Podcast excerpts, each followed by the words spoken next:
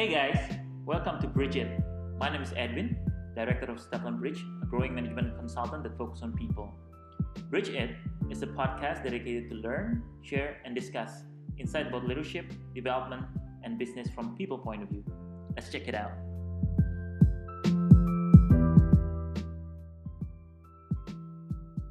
In this episode, we're going to talk about how to transform your organizational culture. Hai Bridgers. Halo, Bridgers, Bridgers, Bridgers, Bridgers. nah, kembali lagi dengan kita. Ada saya di sini Anggit, terus ada siapa lagi? Muti. Edin. Nah, kita Yes. sekarang udah ada di sesi podcast yang ke-21. Wow, Wow, 21, anjir. 21, 21, ya. Nah, terus kali ini kita bakal ngebahas tentang transforming cultural organization. Uh, Wow. Kenapa ini penting? Soalnya ternyata mengganti budaya dari perusahaan itu banyak dampak Hmm. positifnya juga walaupun ternyata itu juga banyak dampak negatif. Hmm. Tapi Oh, itu Oke. sangat dibutuhkan karena bisnis need terus perkembangan yang selalu berubah-ubah dan Hmm. banyak transformasi yang dibutuhkan oleh perusahaan. Iya, iya, iya. Dan ini juga itu telah diteliti oleh Hmm. Profesor Harvard Business School yang bernama James Haskett dan John Kotter Iya. dia menerbitkan sebuah studi yang disebut Corporate Culture and Performance Mhm. yang menjelaskan manfaat-manfaat dari transforming organizational cul- culture. Iya. Nah, jadi dari studi mereka, mereka mendorong dengan adanya organisasi culture baru, mereka akan mendorong kepemimpinan dari sebuah organisasi mereka. Hmm. Terlebih lagi perusahaan-perusahaan perusahaan-perusahaan yang diteliti oleh James Haskett dan Iya. John Kotter itu mengalami mengalami peningkatan sebesar 975% dan itu bukan ang- angka yang kecil, right? Hmm. Right. Right, right Nah, banget. dengan itu mereka juga tumbuh lebih banyak, terus mempertahankan lebih banyak karyawan dan menunjukkan peningkatan yang signifikan dalam pendapatan mereka, Wow. Hmm. harga saham dan pendapatan rata-ratanya. Wow, culture loh. Nah, Gila, penting banget ya. Penting banget. banget. Oke. Nah, jadi sesi kali ini kita akan lebih membahas dan mendalami Hmm. gimana sih culture ketika berubah dan apa dampak-dampaknya dan juga tentunya itu negatif dari negatif-negatif dari transforming orga, organizational culture itu tersendiri. Alright, nah kan teman-teman kita udah pernah bahas nih sebenarnya mengenai culture itu why is it important apa segala macam. Nah sekarang yang pengen di share itu kan bagaimana we transforming the culture. Kadang-kadang dari culture yang A jadi culture yang B itu seperti gimana sih gitu dan why is it important gitu. Ya jadi ini kan mungkin Gimana? ada ini ya apa namanya positif dan negatif lah pasti ya ada perubahannya itu ya gitu cuman mungkin let's see aja pertama dari si culture-nya sendiri gitu. Jadi corporate culture memang selalu sebuah hal yang selalu didengung-dengungkan gitu ya. Kenapa ini? Karena mereka bilang this is one of the most important thing untuk seorang sebuah company itu bisa uh, achieve mereka punya uh, performance yang paling oke gitu. Jadi culture-nya tuh harus bagus. Gitu. Nah, uh, tadi kan mungkin Anggit cerita gimana transforming right? Yeah. Transforming culture gitu karena memang beda-beda nih. Ada yang culture-nya dulu mungkin uh, budaya organisasinya mungkin mereka state ini adalah mungkin real ya. Kita perlu lihat juga bahwa kultur itu sesuatu yang benar-benar dilakukan oleh sebagian banyak orang, sebagian besar orang, sebagian besar dari populasi ya dan dengan waktu yang continuous yang terus menerus gitu. Jadi uh, kalau kita misalnya nih ya sebuah perusahaan ditempel nih di dindingnya.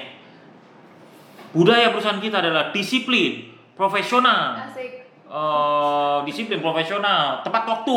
Wah gitu gitu tapi yang tepat waktu dari seribu orang hanya dua.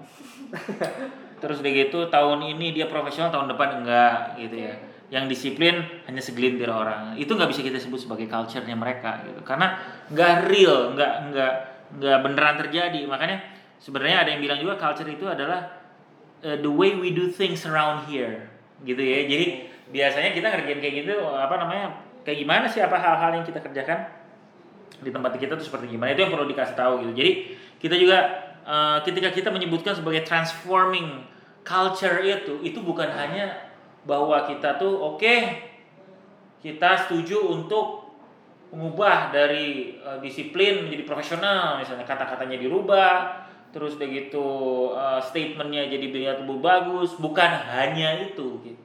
Tapi yang pengen kita lihat benar-benar adalah bagaimana in the reality keseluruhan orang sebagian besar orang itu bisa me, apa namanya me, mengapply dan mengimplementasikan nilai-nilai yang ada di dalam culture tersebut- secara berkelanjutan atau secara uh, continuous. Itu yang paling penting dari si si culture transformation itu. Makanya culture transformation adalah sesuatu yang very big apalagi terjadi di perusahaan yang besar orangnya banyak gitu. So transforming dari culture itu uh, berubah. Culture itu sebenarnya uh, apa ya relatif gitu ya. Ada culture perusahaan yang formal ya mungkin bagus juga dia perlu formal gitu. Ada perusahaan yang casual ya mungkin culture-nya memang casual gitu. As long as the business as long as mereka itu achieve their business goals ya dalam waktu yang berkelanjutan juga si culture-nya baik nah itu berarti akan uh, menunjukkan bahwa si culture-nya berjalan dengan baik lah gitu. Tapi bukan berarti yang ini benar yang ini salah benar atau salah enggak gitu. So if you want to have yang zaman sekarang nih need to move to cultural transformation kita transform ke mana pokoknya mungkin yang lebih lebih lebih cepat speednya dipercepat atau misalnya lebih digital misalnya kayak gitu. So itu adalah hal-hal yang memang eh, pengen kita enforce itu beneran kejadian di orang-orang itu. Jadi bukan hanya apa namanya tulisan-tulisan doang atau hanya jargon-jargon doang itu bukan seperti itu. Tapi like everything itu bener-beneran terjadi dan implementasi yang dilakukan Nah berarti yang seperti yang diomongin sama Edwin tadi, ternyata culture itu berdasarkan nilai-nilai dan gimana harus mengimplementasikannya. betul betul Tapi untuk yang melatar belakangi sendiri, kenapa, Kenapa? organisasi itu bakal mentransform itu apa ya? Oke, satu hal, beberapa hal yang penting juga itu adalah business needs definitely gitu. Jadi misalnya gini, eh, apa yang terjadi pada saat ini dengan apa yang terjadi 20 tahun lalu, 15 tahun lalu Berbeda. akan berbeda Hmm. gitu ya. Berapa juga dengan yang yang yang akan datang itu berbeda juga gitu. Salah satu yang menurut gua cukup sering dipakai atau misalnya saya cukup amazed itu adalah uh, transforming culture-nya KAI Kereta Api Indonesia Oh. gitu. Jadi Kenapa kalau tuh? jadi kalau misalnya zaman dulu tuh kan eh kayak pernah nggak naik KRL ya zaman dulu zaman orang masih Definisi gini deh, gini nih, zaman dulu gini gini, tuh? cerita ya. Pernah nggak teman-teman di sini mendengar waktu itu mudik orang mudik Heeh. dari Jakarta misalnya ke kotanya harus ngantri, terus nah ada yang naik ke atap, Oh, Oh, iya iya iya. iya iya iya terus begitu semua orang kalau misalnya lagi tuh ribet banget lah ya mau mau mau pulang ke misalnya ke daerahnya tuh kalau misalnya Ah. daerah Jawa ya, oh keretanya penuh, terus udah gitu banyak yang naik di atap, Iya, desek-desekan, bener bener bener. malah selalu ada pintu. iya malah selalu ada korban misalnya gitu ketika mudik gitu Mm-mm. ya dilakukanlah waktu itu mungkin di ini ya mau nggak mau mungkin ya ini to give appreciation to Pak Ignatius Jonan Eh, kereta api itu berubah dengan very significantly ya eh, culture dari perusahaan dan servisnya itu sehingga sekarang itu nggak ada lagi tahun pertama itu dilakukan biasanya tuh wartawan tuh selalu meliput mengenai kehebohan dan kericuhan yang terjadi di setiap stasiun-stasiun tempat mudik Oh. Iya karena ada yang kelihatan oh orang berbumbung-bumbung apa namanya ngantri terus udah gitu banyak calo apa segala macam terus udah gitu banyak ke ini sehingga wartawan tuh biasanya ketika eh, apa namanya Idul Fitri Lebaran ya mau, mau mudik itu selalu berkumpul di eh, stasiun-stasiun untuk meliput kehebohan yang terjadi. Hmm, Nah sekarang. sekarang pas per- tahun pertama dilakukan tuh nggak ada apa-apa lagi karena semua dilakukan online. Oh, pesannya pesannya bisa online. terus sudah gitu jadi nggak ada yang ngantri semuanya tertib biasa aja gitu. Nah itu jadi membuat sebuah yang uh, berbeda. Nah uh, pertama itu yang paling penting itu adalah bisnis kalau nggak mau per- kereta api masih seperti waktu itu uh, ya nggak akan di nggak akan di ini oleh masyarakat nggak akan dipakai. Iya. gitu karena udah penuh uh, Berbahaya. berbahaya apa segala macam gitu. So bisnisnya itu sebenarnya seperti kayak gimana? Yang perlu dikasih tahu yang dan itu sehingga business uh, transformation itu juga ber- berbeda gitu ya. Apa namanya business transformationnya juga akan mendrive si culture-nya gitu. Jadi needs-nya wah kita udah nggak bisa lagi nih seperti zaman dulu yang kereta api itu di apa di manage dengan dengan cara yang nggak profesional gitu. Kalau sekarang kan kalau lihat semuanya antri baik, terus begitu sekarang kalau ke stasiun tuh rapi, ke restorannya rapi-rapi, Iya. tertata gitu. Nah itu yang yang apa namanya yang dilakukan. Jadi kalau misalnya kita dinanya, kenapa ya bisnis and business otherwise kalau misalnya kita nggak melakukan culture transformation ya akan kelelep. Mm-mm. Aku mau kasih salah satu salah satu contoh lagi ya. Kalau di Amerika itu oh, Netflix pernah dengar nggak teman? Nah, Netflix itu dua adalah tempat sewa video. Oh ya. Iya, Netflix itu pinjam video, pinjam kafe kaset video gitu. Pernah dengar nggak? Kaset video itu pernah tahu nggak? Ada Tahu ada, ada. rumah saya. Alhamdulillah udah lahir. rental, rental. Nah, jadi rental Sebuah video. apa namanya? Toko. Toko, gimana? toko. Jadi toko chain di Amerika gitu. Namanya Netflix. Namanya Netflix, emang Netflix yang Oh. sekarang. Nah, cuman mereka be- move gitu, apa namanya? eh eh, eh, move gitu dari dulu yang tempatnya pinjem, jadi sekarang Online. digital gitu. Itu kan berubah transformation. Pasti culture juga berubah dong. Yang tadinya mungkin harus buka toko atau apa, sekarang jadi online, bikin film sendiri atau apa. Nah, so business transformation dan bisnis-bisnisnya yang akan mendrive adalah culture-nya. So itu definitely salah satu yang paling penting dari si business transformation satu. Kedua juga kemungkinan adalah external factor gitu orang uh, kultur uh, apa namanya berkendara orang atau kultur orang nonton nonton film uh, gitu kan nggak ada gitu. Sampai sekarang kan uh, dulu orang dulu rental video, sekarang kan orang pacaran aja kan ada istilahnya Netflix and chill, pernah dengar nggak? Pernah Iya. dong. Ya gitu ya. Netflix Ngapain and aja? Grill, itu juga ada. Nah itu kan apa? And Grill. Green. Ada, ada, Ada banyak. juga banyak. Pas sama Netflix banyak ya. banyak gitu itu ya jadi akhirnya eh, pasti berubah nih si culture-nya gitu Tapi apakah si culture yang dimaksud ini adalah culture dari bisnis prosesnya atau culture orang-orang yang ada di dalamnya? both Both of them. Oke. both of them jadi kan culture bisnis pasti berubah juga dong orang jualan rental video atau rental DVD, rental VCD gitu ya. VCD. VCD udah lama banget ya. Pada zaman gua VCD itu udah maju loh. Dulu tuh ada Betamax sama VHS, nggak ada yang tahu juga. Tahu, maaf ya. Nggak ada yang tahu. VCD aja udah jadul banget ya, gila kalian. Nah, nah, beda kan jualannya. Ada satu Iya. jualan fisik lu harus punya store. Sekarang Netflix lu subscribe. Terus gitu bagaimana cara lu di dalamnya Orang juga harus beda-beda beda, kan iya. gitu. Mungkin kalau teman-teman tahu sekarang Netflix banyak bikin Netflix original ini Iya, sendiri, series, uh. series gitu atau misalnya film. Mereka tuh udah mulai untuk produce sendiri, nggak Iya, hanya iya, lagi iya. bikin ya itu gitu. Itu banyak series-series gitu. Oke. Oh, jadi pertimbangan-pertimbangan dari transforming culture itu lebih ke internal sama eksternalnya ya? Ya betul inter- ya ya betul sih. Jadi mungkin kalau internal adalah bisnisnya pengen maju ke mana, sedangkan eksternal mau nggak mau kan lu Hmm.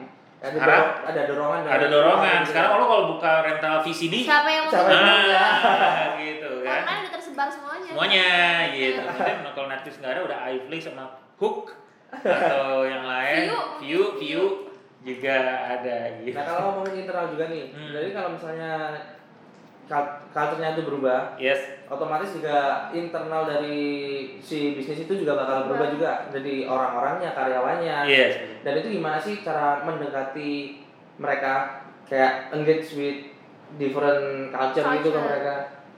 Oke, beberapa sih ya. Kita mungkin perlu perlu ada apa namanya? Yang kita perlu lihat gitu. Yang pertama eh, kita perlu memberitahu sama mereka juga what's in it for them lah.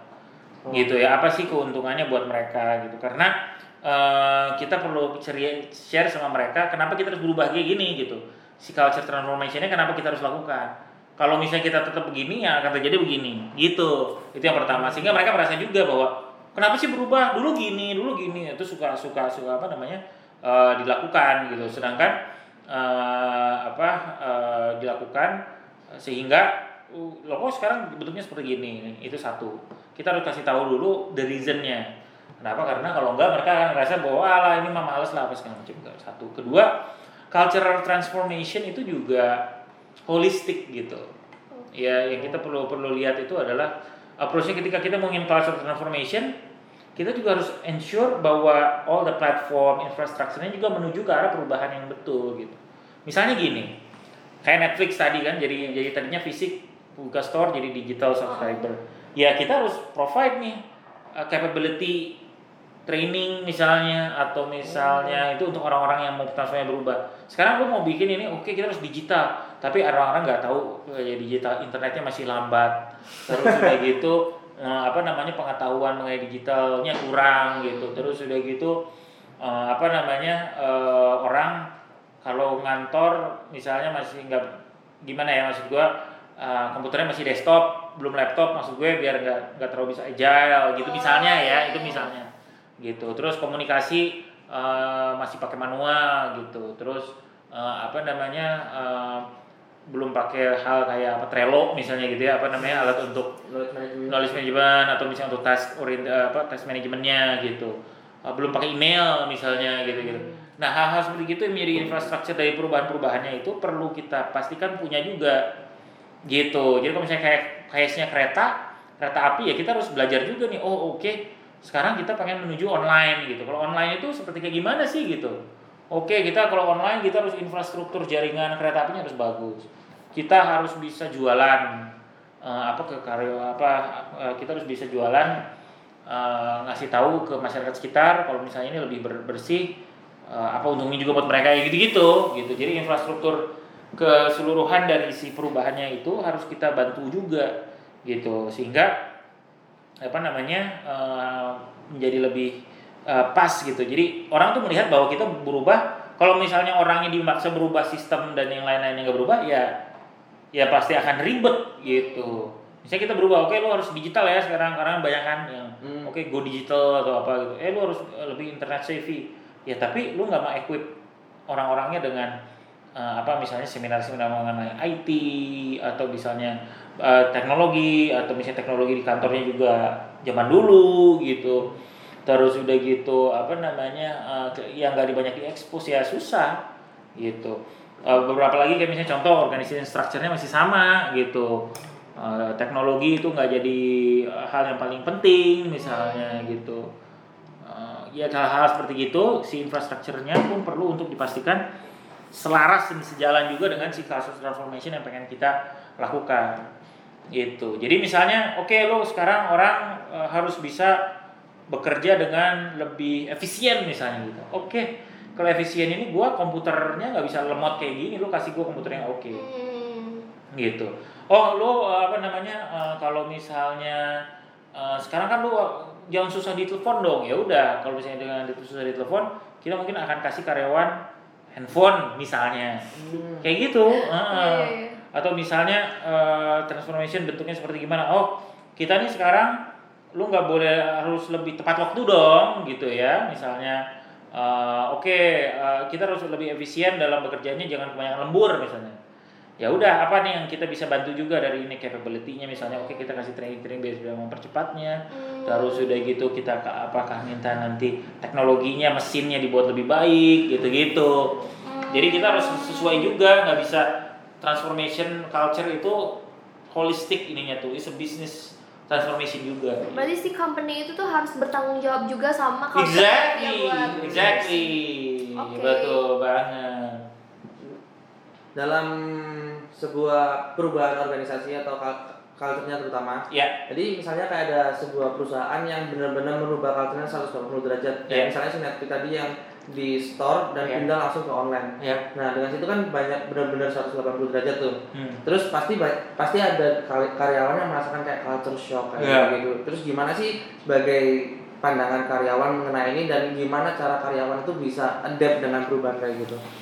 Eh, nah ini sebenarnya juga tricky ya ini gue akan share eh, inilah apa namanya mungkin lebih lebih terbuka aja ya every changes has its consequences Hmm.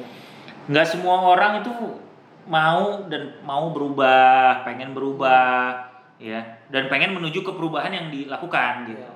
Karena ada orang yang misalnya, oke kita harus lebih agile, lebih efisien, belum tentu semua orang pengen, gitu. Jadi kita sebagai perusahaan perlu menyiapkan diri juga untuk, oke kemungkinan ada karena orang yang pergi, gitu. Karena mereka, aduh nggak suka nih gue kayak gini, gue mau resign aja misalnya. Gitu. Atau ya memang dari sisi perusahaannya juga melihat bahwa Oke, dengan adanya new technology ini atau ada transform of new culture ini, ya kita harus me, dalam tanda kutip melay off orang-orang yang eh, mungkin eh, nggak udah nggak cocok lagi di new organizational structure gitu, gitu sih. Nah, sedangkan kita dari dari pandangan karyawan, kalau misalnya dari agitanya ya kita perlu lihat perubahannya ke depannya itu memang kita eh, pengen atau enggak juga gitu ya. Align atau enggak dengan our personal goals atau our personal ini. Kalau misalnya pengen ya udah kita ikut dan dan istilahnya kita nikmati lah si changesnya itu naik turun dinamika perubahannya itu. Karena kita memang pengen untuk berkembang bareng gitu. Tapi kalau misalnya males bukan males ya maksudnya ngelihatnya aja udah nggak suka. Oh gue ke depannya nggak pengen nih kerja di perusahaan yang model kayak gini dan make a call gitu. Tapi kita sebagai karyawan jangan diem di dalam terus ribut eh, ngeluh gitu. Itu yang menurutnya jangan menurut gue. Tapi, itu merugikan. Uh, tapi di samping itu tuh selain um, ada yang gak suka sama cultural change itu ada juga kalau misalnya um, sebuah perusahaan yang punya culture update atau Hmm. kayak um, up to date lah itu bisa jadi attracting talent juga gak sih? oh iya betul Ya kan, betul kayak karyawan ngeliat perusahaan update banget cara Iya. kerjanya atau culture-nya tuh kayak menonjol atau kekinian banget. Jadi Iya. tuh orang-orang apalagi generasi-generasi zaman sekarang tuh malahan pengen masuk um, perusahaan yang culture-nya tuh up to date gitu. Iya, betul. Iya sih? Betul banget. Makanya kan karena maka dari itu sekarang tuh banyak instansi pemerintahan atau apa yang yang yang yang eh, yang pengen juga untuk menjadi lebih baik, lebih lebih lebih merubah kulturnya jadi lebih misalnya progresif. Misalnya kayak contoh sekarang Kemdikbud Mm-mm. kan ada mungkin pimpinannya sekarang oleh Mas Menteri, Mas Nadim ya sebagai Mas Menteri. Itu nah eh, nah gimana nih eh, movementnya itu orang nggak pasti pengen. Tapi apakah semua senang dengan new approach kekinian itu belum Iya, tentu belum juga. juga. Ada juga yang merasa, aduh ini gua kalau kayak gini baju-baju kayak gini kan biasanya nggak kayak gini. Iya, gitu. bener-bener. Ada dua golongan Ada orang berarti. ada orang-orang yang cocok ada yang enggak gitu. Iya, iya, benar-benar. Tergantung lah. Berarti pada dasarnya itu tergantung dari nilai-nilai yang dianut dari si personalnya dengan si perusahaan tersebut ya. Kalau mereka cocok, mereka bakal bisa berkembang. Betul. Iya. Dan jadi ada positif sama negatifnya gitu. Betul, betul. Nah, terus untuk selanjutnya mungkin kalau, kalau untuk transforming organization, Iya. culture, nah untuk menjadikan ini tuh sukses tuh gimana sih? Oke, yang menjadikan sukses ya yang perlu tuh adalah pertama kita pertama memastikan support dan komitmen dari eh, top manajemen. Itu harus harus ya. harus Eh, kenapa? Karena kalau nggak ada top manajemen support susah. Hmm. Orang tuh kalau misalnya manajemennya nggak nggak apa namanya nggak nggak fully eh, apa namanya eh, fully apa ya committed untuk support ini ya susah karena nanti budgetnya kurang top manajemen nggak mau bantu ah ngapain ini nggak merasa ini penting ya susah Iya, iya. struktur mau ganti pak wah gimana nih kan saya biasa kayak gini ya susah pak ini akan kalau cancel transformation akan dapat ini nih apa namanya eh, serangan nih dari eh, apa namanya masyarakat atau netizen misalnya gitu kalau berubah. Iya misalnya atau misalnya dari karyawan gitu.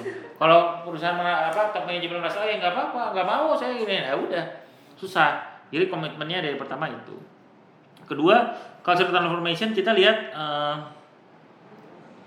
perlu mengadakan semacam capability building ya tadi lah misalnya lu pindah dari yang jualan online jualan offline jadi jualan online. Harus ada capability yang dibuat. Misalnya training lah terus udah gitu atau workshop lah apa sehingga biar enhance uh, capability-nya. Jadi orang lebih mengerti. Terus udah gitu uh, kita buat nih uh, apa namanya statement of change-nya lah misalnya. Oke maju terus gitu. Atau baru lebih baik misalnya kayak gitu-gitu ya. Sehingga orang mulai ingat oh ini kita tuh memang uh, spiritnya seperti ini maksudnya seperti kayak gini gitu ya. Lalu kita uh, communicationnya. Communicationnya kita perlu bagus juga nih komunikasinya. Maksudnya komunikasi internalnya ke dalam itu seperti kayak gimana? Kayak tadi dikasih tahu kita share dulu why-nya itu seperti kayak gimana. Kenapa sih itu? Gitu kita ajak ngobrol orangnya sehingga mereka align gitu. Terus berikutnya kita lihat juga bisa uh, organizational structure. Ya organizational structure-nya apakah oke atau enggak nih? Pas atau enggak dengan sekarang nih? Gitu organisasinya kegendutan atau enggak gitu. Atau kita perlu slimming down gitu. Ya itu yang perlu kita lihat. Terus uh, ada beberapa yang uh, aku pen- agak agak pentingan juga. Satu sih uh, reward and punishment. Reward and recognition.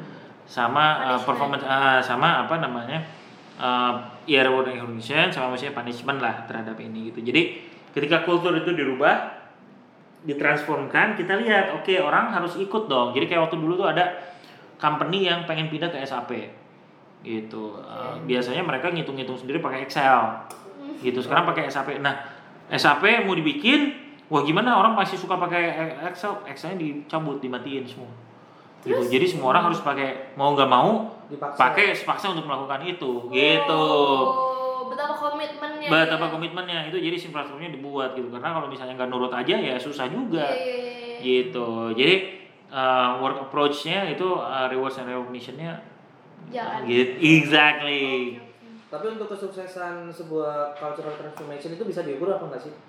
uh, cultural transformation bisa bisa Gimana tuh? jadi jadi kita kita uh, apa namanya kita uh, kita sudah tetapkan malah dari awal Hmm. culture transformation itu yang kita pengen itu bentuknya seperti kayak gimana gitu misalnya oke sekarang culture transform- transformation itu salah satu ukurannya sudah berjalan adalah kalau misalnya em, lem eh, misalnya em, ya udah yang tadi orang Excel pakai Excel apa namanya Microsoft Excel. Udah nggak ada yang pakai lagi sekarang gitu. Udah dilakukan gitu. Misalnya terus udah gitu atau beberapa company itu eh, culture-nya mengenai safety gitu. Jadi sekarang orang kalau misalnya eh, di kantor itu ada audit safety dilakukan.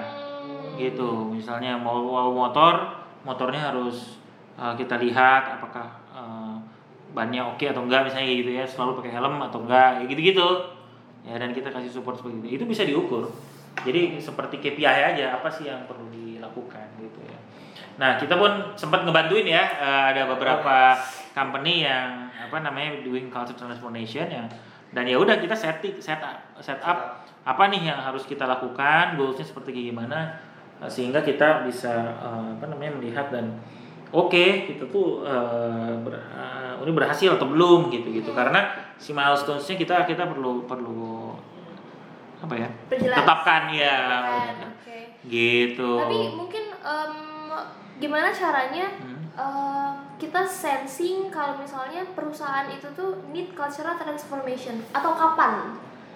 kalau ada jadi gini ya mungkin eh, beberapa juga gua menurut aku itu ada terms. Apakah transformation dengan change culture change atau dengan cultural revolution apakah sama atau enggak ya? Nanti kita bisa lihat sih ya ininya apa. Cuman intinya adalah sebuah eh, culture transformation itu adalah sebuah sebuah sebuah apa ya kayak sebuah eh, keadaan di mana kita memang berubahnya secara cukup drastis. Bagaimanakah drastis itu misalnya ya?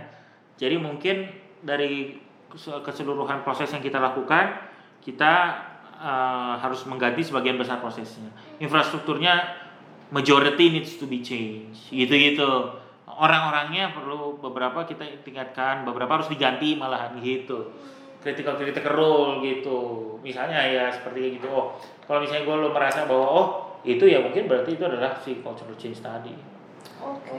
dengan adanya culture change terus cultural transformation. Pasti sebelum mereka melakukan itu mereka harus ada culture plan juga kan untuk untuk mengimplement- mengimplementasikan betul untuk betul. pembuatan culture plan-nya itu kayak gimana ya? Mungkin ada step-step khusus atau kayak gimana gitu? Eh, biasanya sih kita bikin eh, eh, semacam list of situation atau condition yang memang kita pengen dapat satu ya biasanya kita ngobrol sama top management kayak gitu. Oke kita pengen lihat ABCDE untuk membuat si culture transformation itu. Terus kita decide nih KPI-nya apa misalnya orang itu kalau sudah produktif kalau misalnya revenue-nya terhadap jumlah orang segini misalnya. Gitu ya misalnya jualan 1 M eh, orangnya ada 20 ya udah. Berarti rasionya 20 per 1 M misalnya gitu. Itu kalau misalnya sudah dilakukan itu bisa kita pakai tuh si si si apa namanya si measurement eh, itunya. Hmm. Mungkin kalau misalnya pengen tahu lebih lanjut, mungkin bisa hubungi kontak at bisa juga ya bisa bisa bisa Oke. oke ini juga udah di penghujung acara Iya. tapi udah sebelumnya kita mengakhiri mungkin ada kalau misalnya ada bridgers bridgers yang mereka itu kayak ngerasa industrinya itu pingin dirubah culture-nya pingin di diperbaiki dalamnya. Terus untuk gimana cara mereka itu bisa engage dengan employee-nya kayak gimana? Hmm. mungkin bisa ke mana kayak Bin Ya bisa bisa. Bisa bisa ngobrol juga sama kita ya. Bisa bisa kontak at stephenbridge.com ada emailnya di situ ada nomor teleponnya juga silakan. Itu itu bisa bisa dikontak aja ke kita. Eh, let's talk about it gitu ya. Misalnya kalau belum aduh aku juga belum terlalu ngerti. Nggak apa-apa kita ngobrol aja dulu ya untuk untuk bisa mengerti how we can help your organization kenapa karena si transformation juga ber- ber- berlaku untuk organisasi nih mulai scale up misalnya salah satu klien kita yang lagi kita kerjakan, yang lagi kita support itu adalah dia move dari UKM Yes. menjadi perusahaan yang gede banget gitu ya. Kenapa? Karena revenue ternyata gede, oh, ininya gede ya. Jadi orangnya orang harus diganti, getting new people, uh, capability building harus kita ganti gitu. Terus ya hal-hal seperti itu yang kita perlu pastikan uh, ya bener aja sih gitu dilakukannya Betul. gitu dan and we are really open untuk teman-teman untuk bisa talk to us and uh, let's discuss about Yes. Oke. Gitu. Gitu, right Nah, kata-kata terakhir dari Ebin juga menutup sesi kali ini. oke So don't forget to listen our podcast every Wednesday on Spotify, Yep. Google Podcast. Dapat lihat website kita di www.stephenbridge.com and for any inquiries needed, you can also contact us by email di contact at stephenbridge.com. oke